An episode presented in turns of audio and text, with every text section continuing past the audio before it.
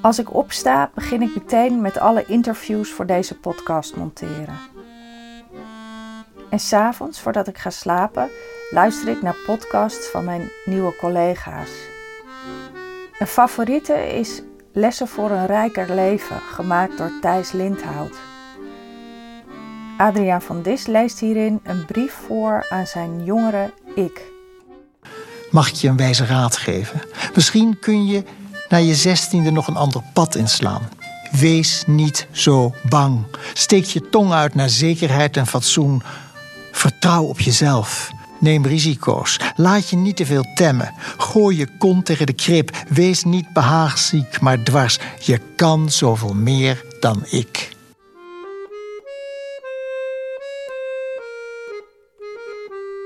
Oh jee, mijn sabbatical is bijna ten einde en ik weet niet of en hoe ik verder wil met het filmbedrijf dat ik samen met mijn vader Frans run.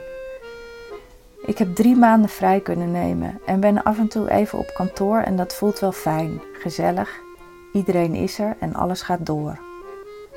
Maar het is net zo lekker om het veilige nest weer even te verlaten en aan deze podcast te werken, waarvan ik op dit moment niet eens weet of hij wel ooit beluisterd gaat worden. Een werk dat wel gemaakt, maar nog niet gezien is, heeft het moeilijk.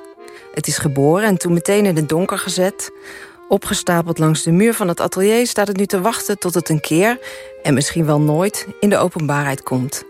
Die nieuwe werken zijn het mooist als ze eindelijk naar buiten mogen. Die jubelen in de spotlichten, draaien met hun haren, met hun jonge lichaam. Zij zijn de debutanten. Dit is Sascha Bronwasser en ze leest voor uit haar debuut Niets is gelogen. Voordat zij debuteerde als romanschrijver was ze 20 jaar kunstrecensent bij de Volkskrant. Ik ben zo benieuwd hoe ze deze ommezwaai maakte. Ze vertelt me eerst over liefde voor het recenseren. Ik heb het uh, echt opgevat als iets wat ik uit liefde voor het schrijven kon doen en uit liefde voor de beeldende kunst. En dat kwam wonderwel samen in, in dit vak. Um, voor de Volkskrant werkte ik, ik denk 70 tot 80 procent van mijn werk bestond daaruit. De rest waren andere projecten die ik deed, maar de krant was wel heel groot. En ik ging uh, um, een groot deel van de tijd op pad. Vooral naar kleinere evenementen. Ik had een, een groot zwak voor uh, de alternatieve, uh, ja, avant-gardistisch. Dat klinkt al bijna ouderwets, maar in ieder geval de underground, de nieuwe, nieuwe kunst die nog niet echt een positie heeft. Dus dan moet je ook wel eens naar plaatsen die ook nog niet echt een positie hebben. Het waren niet alleen musea. Um, en daar schreef ik dan over. Recensies, uh, maar ook beschouwingen, interviews. He, af en toe probeer je een grotere ontwikkeling te schetsen. Ik heb een nieuw tasje. Leuk! Hij is tweedehands, ik vond het zo geinig. Ja, echt heel leuk. Dat kan je daar blij mee zijn, hè? Ja, Allemaal vakjes. vakjes, Ja, En wat doe je hier dan in? Ja, ik, nou, ik probeerde mijn telefoon erin te proppen, maar dat ging niet, die is te groot. En dit is Hanna van Lunteren. Hanna is actrice. Ze speelt momenteel de voorstelling Gebroeders Leeuwenhart bij het Nationaal Theater. Ik wil haar graag spreken omdat ze ooit de stap al zette om een veilig nest te verlaten. Maar laten we beginnen bij het begin. Ik denk dat ik al rond mijn achtste actrice wilde worden, omdat ik het heel leuk vond om te spelen. En toen vond, wilde ik het eigenlijk altijd wel, heb ik het idee. Of misschien niet zo bewust, hè, want op je achtste wil je gewoon van alles worden, denk ik. Maar toen later, toen ik uh, klaar was met de middelbare school, dacht ik nog, oh ja, maar misschien moet ik wel juist dat helemaal niet doen. Toen heb ik nog volgens mij op een blauwe maandag een open dag bezocht van een rechtenfaculteit in Leiden. En toen zat ik daar dacht ik, nou, dat weet ik zeker dat ik dat niet wil. En um, toen heb ik audities gedaan uh, in Amsterdam en in Arnhem en in Maastricht. En um, ja, aangenomen.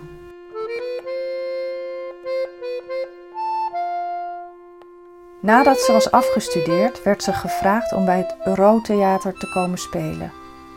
En toen was ik daar aan het repeteren en na een paar weken vroeg ze of ik vast wilde komen bij het ensemble.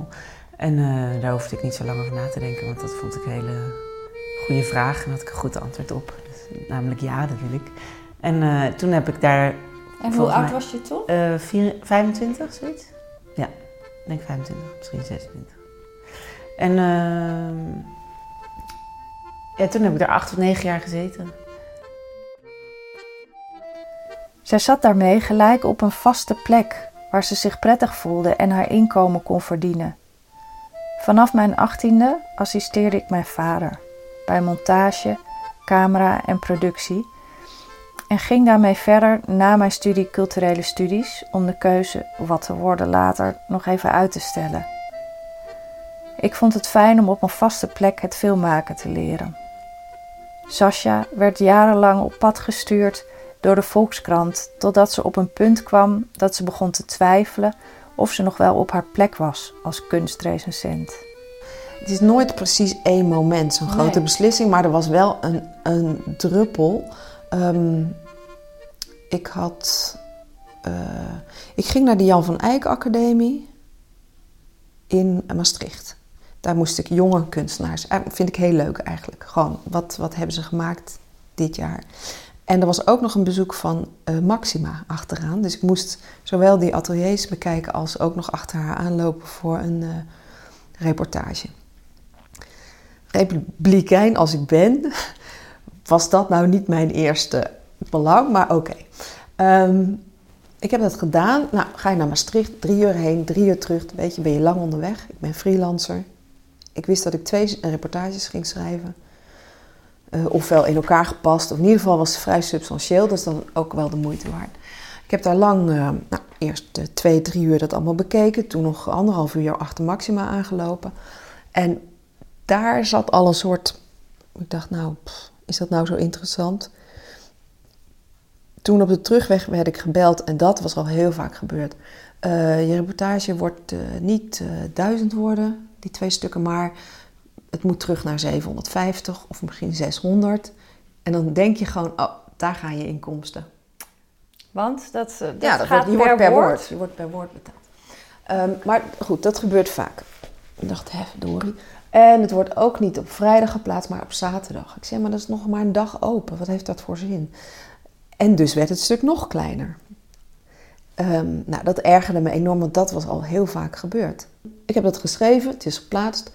En toen werd ik op zaterdagochtend wakker met een ontzettend opgelucht gevoel. En ik had gedroomd dat ik was gestopt. Um, echt heel, heel uh, ja, visueel. Alles klopte. Het was alsof ik het echt had meegemaakt dat ik al gestopt was. En ik voelde me ontzettend opgelucht. Kun je die Uh, droom beschrijven? Nee, eh, alleen het gevoel. Een ongelofelijke opluchting. Dat je iets heel zwaars hebt laten vallen. Dat was het gewoon eigenlijk. Alsof je de hele tijd een hele grote rugzak op hebt gehad. En je hebt na, hè, je hebt na drie uur wandelen mag je hem eindelijk afdoen. Zo voelt dat dan. Um, en dat gevoel hield aan in de, tot in de middag. En toen dacht ik, ja, misschien moet ik daar maar naar luisteren. In deze onrustige tijd droom ik ook heel veel. Ik besluit mijn dromen op te nemen om te luisteren of ze mij ook iets te vertellen hebben. Ik neem ze op, vlak nadat ik wakker ben geworden, nog in half bewuste toestand. Martijn Krabbe, die, um, die wilde met mij, uh, die is verliefd op mij. En uh, die zei: Wil je met mij op de foto voor de privé? Nou, we waren met de hele familie ergens. En uh, op een landgoed of zo. En uh, op een gegeven moment liep mijn moeder achter me en die zei: Ja, het zou misschien leuk zijn als jij een keer je, de achterkant van je benen wast. We zijn bij McDonald's. En um, daar werken onze pasjes niet. Terwijl ze zouden het wel moeten doen. Uh, oh ja, we moeten ook nog. Er zijn ook apparaten en dan moet je dan een deel van je kots moet je daarin doen. En dan krijg je je geld terug. God. Wat een geduld. Bij het Rood Theater werd de laatste jaren dat ik daar zat heel onrustig in de um, structuur. De, er was een soort fusie, of niet soort, er was een fusieopkomst tussen uh, de Schouwburg en het Rood Theater. En het rommelde gewoon. En uh, mensen begonnen wat meer te klagen en te mopperen. En toen voelde ik, ja, los daarvan. Maar dat, dat is denk ik ook een reden geweest. Ik moet, uh, ik moet door. En ik, ik, ik werkte daar dus ook al negen jaar. En ik dacht, ik weet nog dat ik de tekst aan het leren was in die zomer. En uh, ik zat alleen maar op te schrijven. Ik bedoel, sowieso niet een grote fan van tekst leren. Of daar word ik vaak heel kwaad van. tekst leren. Kwaad? Ja, want het, ik ben niet zo snel. Ik bedoel, uiteindelijk ken ik het natuurlijk, maar ik ben niet zo snel in tekst leren. Dus, uh, maar ik zat dus enorm te schelden tijdens het tekst leren in een of andere zonnige tuin. En, en toen dacht ik, ja, maar ik moet ook niet meer. Ik, wat, ik, heb er geen plezier in. Ik, ik wil niet. Ik zat ook zo van, oh, dan moet ik. Weet je, het was um, alle theaterseizoenen, die, die liggen best wel lang van tevoren vast, omdat het in de programmaboekjes moet staan al. Dus ik wist al twee jaar van tevoren in welke producties ik min of meer zou zitten. En, en ik had gewoon. Ik was die tekst aan het leren in de zomervakantie. Ik dacht, ja, maar ik, ik wil nog helemaal niet al beginnen. Ik wil gewoon vrij en ik wil een beetje aanklooien en nog niet beginnen. Ik zag gewoon op tegen het nieuwe seizoen. Mhm. Toen dacht ik, nou, dat, dat is niet de bedoeling. Ik moet er, toen dacht ik, uh, ik kan er ook mee stoppen. Of ik kan ook, uh, ik bedoel stoppen, ik wilde er niet mee stoppen, maar daar. Ik wilde gewoon ook, ik dacht altijd, op een gegeven moment loop je dus zo dezelfde weg naar het koffieapparaat, wat je ook in elk bedrijf hebt. En dat begon me een beetje tegen te staan. Uh, los van dat ik hele leuke en lieve collega's had en prettige mensen die daar allemaal werkten. Maar ik dacht gewoon, ja, het wordt een soort groef. Die wandeling van het station Rotterdam Centraal naar het Roodtheater. Uh, ik wil een andere wandeling. Ja, ja. zeg maar.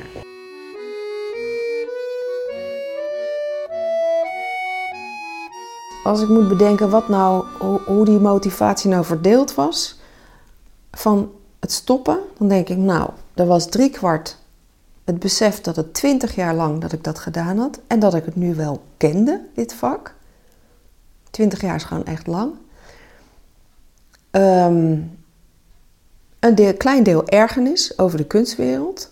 Van, oh, het is toch, er is ook iets heel verschrikkelijks aan deze, aan deze wereld. En een deel ergernis over de krant.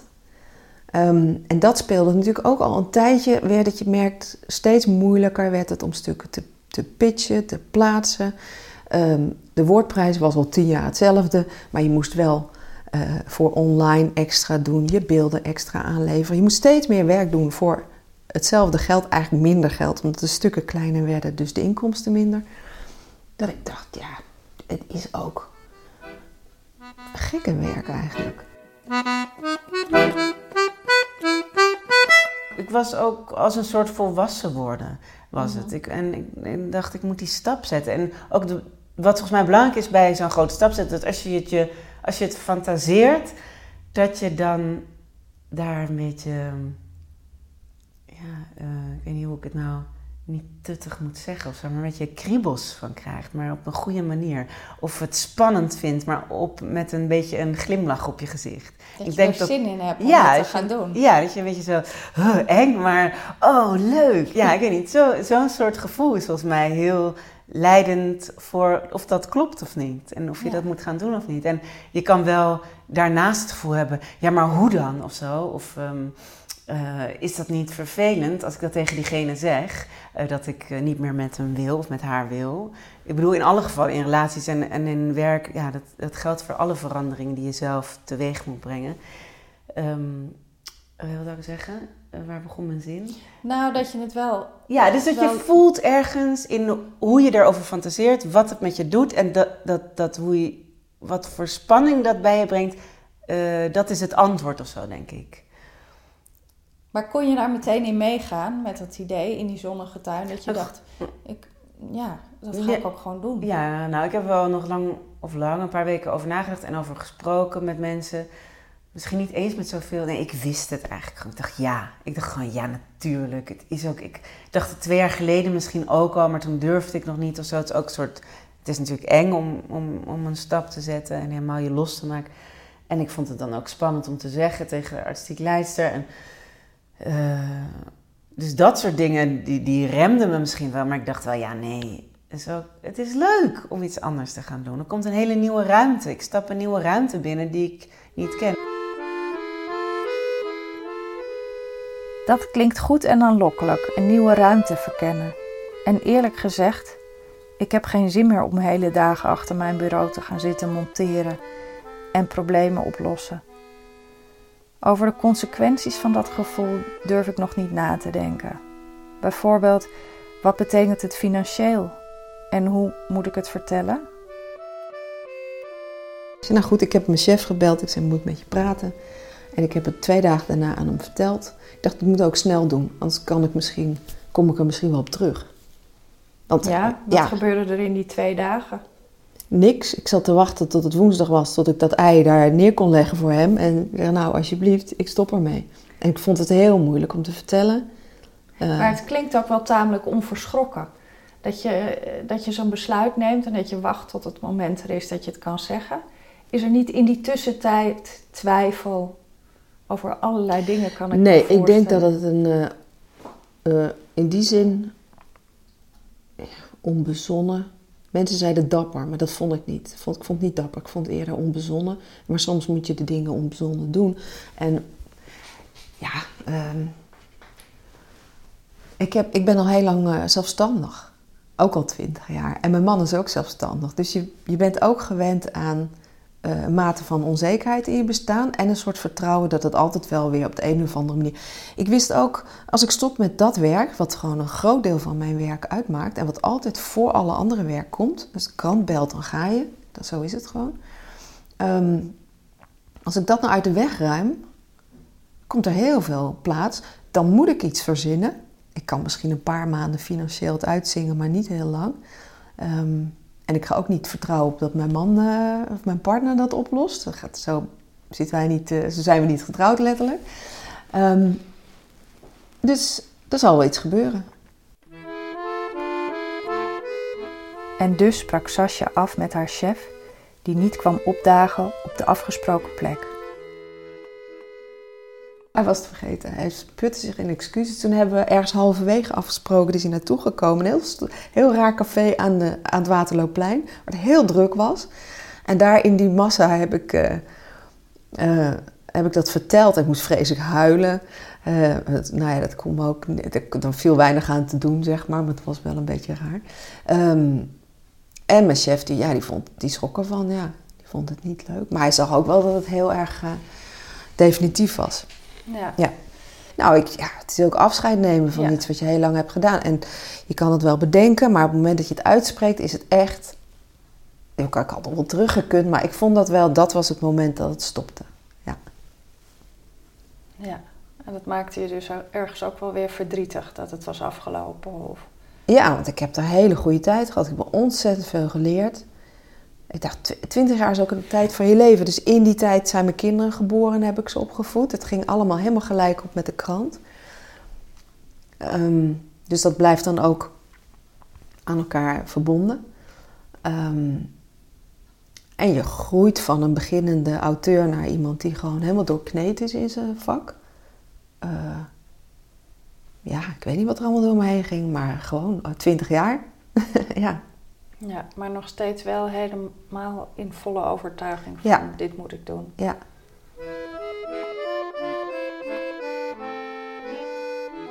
Ook ik ben in het familiebedrijf volwassen geworden. Ik kreeg met mijn geliefde Lucas in die tijd twee zonen, Renzo en Fabian, en ontwikkelde me tot zelfstandig editor, producent en regisseur.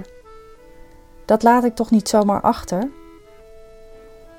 Net als Sasha wist Hanna het zeker, maar ging toch met lood in haar schoenen vertellen aan de artistiek leidster dat ze niet zou blijven bij het theatergezelschap.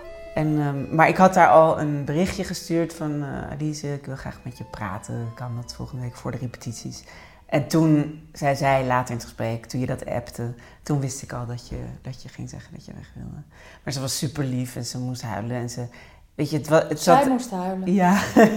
Ja, want ze, en dat vond ik ook heel, een heel groot compliment tegelijkertijd. Want ik dacht, ja, nou, ze verliest me liever niet. Mm Het was rot geweest als ze zei, oh, prima, ga maar. Maar hoe was dat voor jou, dat zij daar zat te huilen? Want nou, huilen, er, er kwamen wat tranen, maar ja, nou, vond ik alleen maar lief. Ja, ik dacht, oh, wat fijn dat ze niet. Ik was heel bang dat ze boos op me zou worden of zou zeggen dat mag niet. Maar ja, dat is natuurlijk ook, als ik het zo zeg, zou dat onzinnig zijn geweest als ze dat had gedaan. Want wie wordt nou boos op iemand die zegt: Ik wil het verder onderzoeken wat ik kan op een andere plek? Ja, ja. je kan alleen maar zeggen: Ik zou je missen, of uh, als dat zo is. Of, um, maar ik hoop, ik gun je het beste. Ja. En ik dacht ook, ja, misschien vind ik niet meteen iets wat ideaal is. Maar dat maakt niet uit. Ik vind wel iets om geld te verdienen. Ik heb genoeg ervaring, kan schrijven. Ik, dat vertrouwen heb je wel als je 50 wordt. Ik was toen nog geen 50. En dat ik 50 zou worden dat jaar was ook belangrijk. 20 jaar ervaring, 50 worden. Ik dacht, als ik nog iets anders wil, dan moet ik het ook nu wel in gang gaan zetten. Al weet ik nog helemaal niet wat. Nee, nee. maar je had dus een rots, rotsvast vertrouwen in dat het goed zou komen. Nou, ik had in ieder geval vertrouwen in dat er iets nieuws zou gebeuren. Ja. En daar was ik nieuwsgierig naar, daar had ik zin in. Ja, hoe ook al... kom je aan dat vertrouwen? Ehm, ik ben ook ziek geweest. Ehm, en daar ben ik ook zo van geworden. Uh, heel ziek geweest. Uh, dat net op tijd ontdekt. Um, met medicijnen een veel betere gezondheid gekregen eigenlijk. En het besef dat het, ja, dat het leven ook wel kort is. Voor een heleboel dingen denk ik, daar heb ik geen tijd voor. Ik heb geen tijd om kwaad te zijn. Ik heb geen tijd om te veel te twijfelen. Ik heb geen tijd voor stomme ruzies. Die moet je echt meteen oplossen. En ik heb geen tijd om werk te doen waar ik uh, ongelukkig van word dat heel veel dingen zijn echt niet de moeite waard. Nee, dus dat is een enorme relativering. Ja, en dat geldt ook voor uh, zekerheden, uh, voor financiën. Ik hecht heel weinig aan geld of aan bezit of aan status. Daar kan je echt ook om lachen. Um, ja, want status als kunstcritica van de Volkskrant, dat is wel een bepaalde status die je dan hebt. En die je dan dus ook opgeeft. Ja, maar dat, dat kon ik dus ook heel makkelijk, want ik vind dat is helemaal niet zo interessant. Het is interessanter of ik uh, iets doe wat ik, wat ik graag doe. En nog veel interessanter is of ik een beetje goed ben voor de mensen om me heen, zeg maar. De, de hele basale, uh, dat vind ik meer status. Ja. Zou ik dat ook kunnen, in het diepe springen, in het volste vertrouwen dat ik de goede keuze maak? Nog maar eens wat dromen opnemen. Op vakantie zijn we. En we zijn in een of ander hotel. En uh, het is daar best wel gezellig. Het is op de grens, precies op de grens van het ene land en een ander land. Daarvoor wilde ik zelf ook in het water springen, maar ik kon net maar mijn bikini niet vinden. En een ander stuk droom ik zwemmen, maar het meer ligt helemaal droog en het is een grasveld geworden. Dus of we nou gaan kunnen gaan zwemmen of niet, dat is niet helemaal duidelijk. Maar ik weet niet hoe diep het water is, dus ik weet niet of het wel kan. Het zette uh, gewoon veel in beweging. Uh, innerlijk of zo. Ik dacht ik, oh, ik, er is van alles. Ik kan van alles doen. Ik, ik voelde allemaal het gevoel dat er allemaal mogelijkheden waren. Dat vond ik heel prettig. Ja, dus ik had meteen werk en een telefilm, Dames 4. En uh, ja, dat was, ja, al zeg ik het zelf, wel op mijn lijf geschreven. En dat was heel fijn om te doen en het ging ook goed. En ik was heel gedreven en uh, ja, dat was gewoon perfect om te doen na dat weggaan daar. Dus dat was wel een uh, lekkere bedding of zo mhm. voor ergens uitstappen. En ik speelde de hoofdrol, dus het was allemaal heel lekker. Ja. En, uh, en het werd goed ontvangen, of heel veel mensen vonden het mooi. En ik was er zelf trots op, weet je zo. Dus dat is ook een goede start of zo van iets nieuws natuurlijk. Ja. Dan, dan krijg je wel vertrouwen dat het uh, goed komt. Een succesverhaal dus. En ook Sascha ging het voor de wind toen ze in contact kwam met een uitgeverij die een schrijver zocht voor een non-fictieboek. Toen ze daar aan tafel zat, kreeg ze een ingeving. En ineens dacht ik, ja, maar ik heb nog iets liggen. Dat kan ik ook gewoon nu laten vallen. En ik had nooit gedacht, daar maak ik een boek van. Maar ik wist wel dat ik een onderwerp had wat me al jaren bezig hield. En dat, was de, dat is deze roman geworden. Maar dat, dat ging ook weer heel onnadenkend. Ik zat daar en ik dacht, hé, hey, ik zit hier nu toch. Er zit een redacteur fictie. Ik zei, ik heb nog iets. Ik weet niet zo goed wat het is. Wil je het lezen? Dus dat ja. ontstond echt op dat moment? Ontstond op dat moment, ja. Ehm, ja, maar inmiddels had ik wel... Ik, heb, ik vertrouw wel op mijn instincten, laat ik het zo zeggen. Ik denk dat het zo werkt. Mm en hij zei, nou laat maar lezen. En toen heeft hij me terug... Hij zegt dat hij me gemaild heeft. Ik denk dat hij het gezegd heeft. Uh, in ieder geval, hij berichtte mij... Laat dat andere boek maar zitten. Ga dit maar schrijven. Dit wil ik hebben. En dat was een heel andere roman dan waar hij naar op zoek was. Uh, en ik wist ook niet eens of dat het een roman zou worden. Um, maar, maar hij, hij zei dat tegen jou? Ja. En wat voelde je op dat moment? Oh, ik werd heel zenuwachtig en heel blij.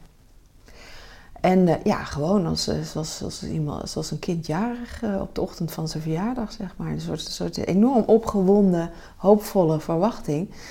En een, ja, iets nieuws en spannends wat ik zou kunnen gaan verkennen. En waar ik wel dacht, het is niet, het is niet ik ga niet, ik ga niet denken dat ik volgend jaar de Olympische Spelen schaatsen ga proberen of zo. Het is wel iets wat in de lijn ligt met wat ik kan, maar het is ook helemaal nieuw. En dat was natuurlijk precies wat ik, wat ik had gezocht. Iets, iets avontuurlijks, iets wat, wat die twintig jaar, uh, ja, wat na die twintig jaar van het bekende een heel andere wending zou geven.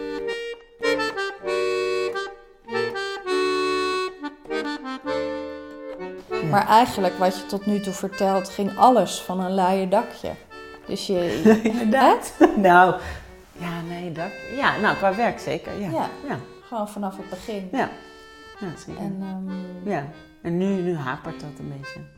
Ik bedoel, ik heb, zo? ja, ik heb wel werk, maar niet meer zo vanzelfsprekend als uh, toen. Of toen, uh, voordat ik kinderen kreeg wat zo kloot is aan uh, acteur zijn, en dat kan denk ik iedereen die acteur is beamen, is dat werk vinden en krijgen. En er zijn uh, wel misschien op drie handen te tellen mensen die daar nooit over na hoeven te denken. Maar de meeste mensen moeten steeds bezig zijn met wat is mijn volgende project en heb ik volgend jaar al iets staan. En, en als je vastzit bij een ensemble, dan zit je daar in principe een soort van voor onbepaalde tijd. Of in ieder geval een heel kunstenplan wat vier jaar duurt. Dus ik hoefde me. Ik hoefde daar helemaal niet over na te denken. Ik hoefde alleen maar te zeggen of te horen in welke producties ik zat en, en aan het werk te zijn. En wat ik nu merk, sinds ik uh, freelancer ben, is dat de helft van de dag ik bezig ben, dat moet ik ook nog even afleren misschien, maar met, oh god, wanneer krijg ik, ik moet werk hebben. Mm en dat, um, dus je, Zat, je zat daar heerlijk? Ja, dat is echt Als, als een luie stoel eigenlijk. En, ik, ja. ik, en omdat ik niet zo, omdat ik zo snel na mijn afstuderen aangenomen werd bij het Roodtheater, uh, kende ik ook niet de worsteling die ik nu wel begrijp van mensen die denken, ja, ik moet werk zoeken, ik moet vinden, ik moet uh, met netwerken of met iemand spreken, ik moet een mailtje sturen. Dat, dat had je dat had ik helemaal niet. Nee, dus ik herkende dat ook niet als mensen nee. het over hadden. Ik dacht, waar maak je je toch druk over? Weet je, dat draaien zijn soms gewoon losse dagen. Dus dan kan ik gewoon één draaidag per maand hebben. Maar voor de rest... Ja, en ik heb genoeg te doen, want ik heb jonge kinderen. Maar nou, ik kan daar gewoon niet goed omgaan. Misschien is dat het ook wel gewoon. Dat ik meer om moet kunnen gaan met... Uh, maar is het dat je... geen werk hebben. Dus ik weet ja. niet of jij daar goed in bent. Nee, dat weet ik ook niet. Ik werk al vanaf mijn vijftiende. Eerst bij de dorpswinkel daarna bij verschillende natuurvoedingwinkels en vanaf mijn achttiende samen met mijn vader. Het lijkt me ook wel lekker even geen druk van werk te hebben. Maar hoe gaan Lucas en ik het financieel doen? Is het dan de zorg om van um, kom ik wel rond? Nee, ik denk dat ik uiteindelijk, uh, want ik heb ook uh, vorig jaar, omdat ik uh, te weinig uh, verdiende, heb ik even bij een bakkerij gewerkt. En um, ja, daar verdiende ik echt heel weinig. Maar ik verdiende wel wat geld, waardoor ik de boodschappen van de, voor de maand kon betalen. Ja, Dus je kan altijd wel werken of ergens geld verdienen. Als je zegt, ik kan geen geld verdienen. Er is altijd ergens waar je geld kan verdienen, ook al is het het minimum. En waarom een bakker? Maar ik, ik weet niet, ik zat daar en ik zat zo te simmen met een krant. En ik zat daar een broodje te eten. En toen dacht ik, oh, maar dit is wel een leuke plek. En um, toen weet ik dat mijn vriend toevallig ook daar binnen liep. Dus we kwamen elkaar tegen eigenlijk.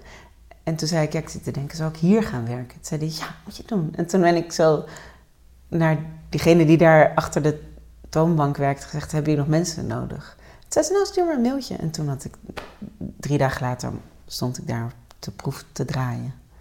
Stond je brood te verkopen? Ja. In nood kan je altijd wel werk vinden. Denk ik. Dat is misschien heel hoogmoedig. Maar ja. Heb je ook nog een soort van noodplan gehad? Want je stopte, je had het geld wel nodig, je kon nog een paar maanden voort.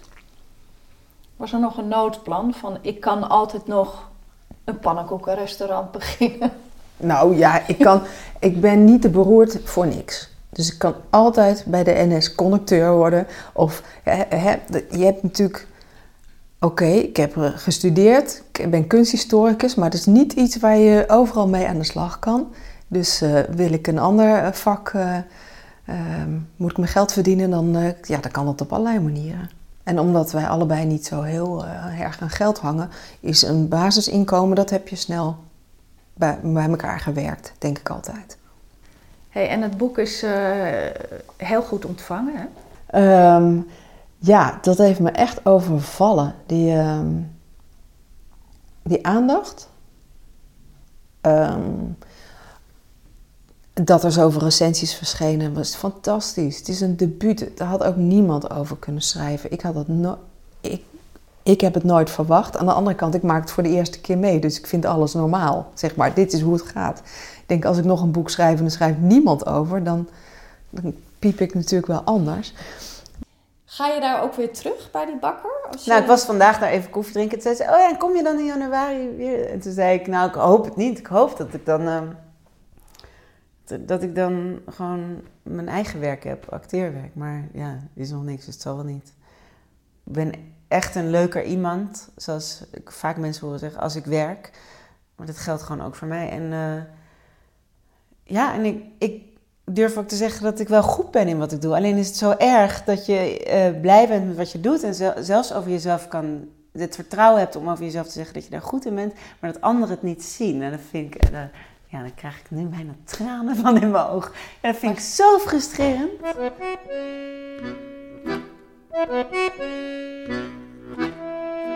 Zie ik mezelf bij een bakker werken?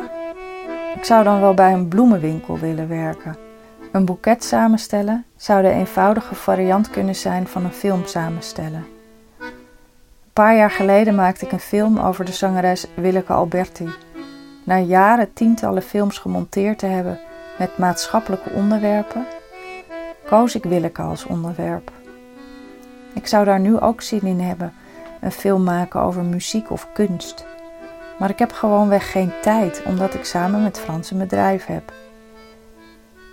Het idee om het nieuwe creatieve pad te bewandelen, kan dat zomaar? Het idee om, dat, om, een roman te gaan maken was, was eigenlijk eh, veel te spannend en veel te raar. En ook helemaal niet bedacht. En toch werd ik er zo blij van. Ik dacht, nou, ik dacht, hé, hey, er gaat een nieuwe deur open. Ik weet totaal niet wat er achter zich bevindt, maar dit is mijn ene leven. Hè? Ik kan maar beter de deur opengooien, want alles wat ik ken, dat is er, dat is er al. Ja. ja. Maar ik denk, omdat jij deze podcast maakt, dat je het al besloten hebt, maar dat je maar ik weet niet, het is ook maar een beetje zo uit de lucht gegrepen. Maar uh, ja, je hebt een bedrijf met je vader. Dat is niet een bedrijf met zomaar iemand. Mhm. Dus het gaat voor jou, denk ik, over veel meer dan alleen maar weggaan mhm. bij een bedrijf. Ja. Je, ga, je maakt je los van je vader. Ja, dat lijkt me veel meer nou ja, dan wat ik zeg. Nou, dat is inderdaad ook wel heel, uh, heel moeilijk. Ja. Dat is het moeilijkste element. Ja.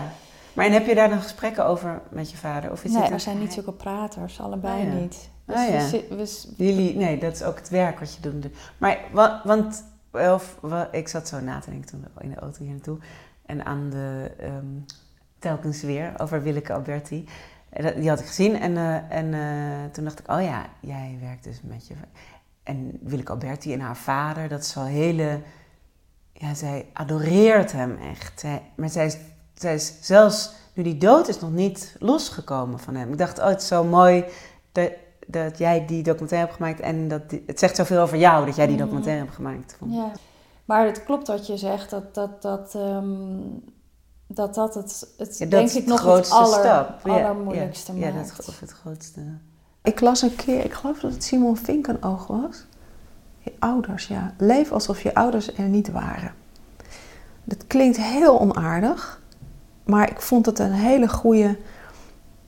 Uh, je ouders geven je van alles mee. Natuurlijk in jouw geval heel veel. Maar, die, maar tenslotte, uiteindelijk is het jouw leven. Mm Dus ja, deze grens aan wat, ze, wat je voor ze kunt betekenen. Of wat ze kunnen, wat erg is. Hè, voor mensen die gaan om de ouders niet te kwetsen, nemen ze een heleboel stappen niet. Mm -hmm. Maar ja, dat is echt zonde. Want het is wel, het is van jou. Ja. ja.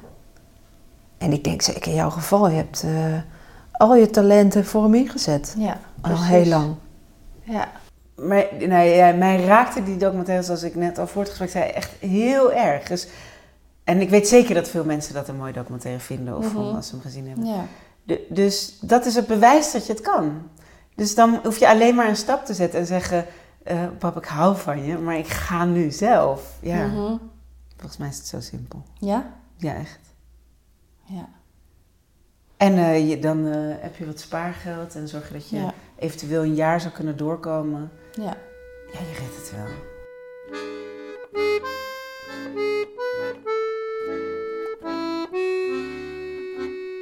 In de volgende en laatste aflevering van De Grote Ommezwaai praat ik met mijn vader Frans over ons beider grote ommezwaaien. op een gegeven moment bij een speelfilm waar, ik mee bezig was, liep die stress zo op dat ik dacht, nou als ik hiermee doorga, dan, eh, dan leef ik niet lang meer.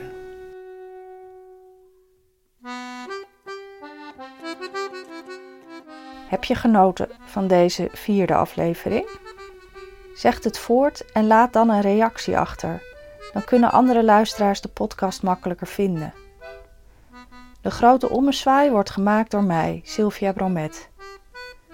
De muziek is van Accordeon Melancholique en de podcast wordt uitgegeven door Saar Magazine. Dank aan alle geïnterviewden en natuurlijk aan jou omdat je geluisterd hebt.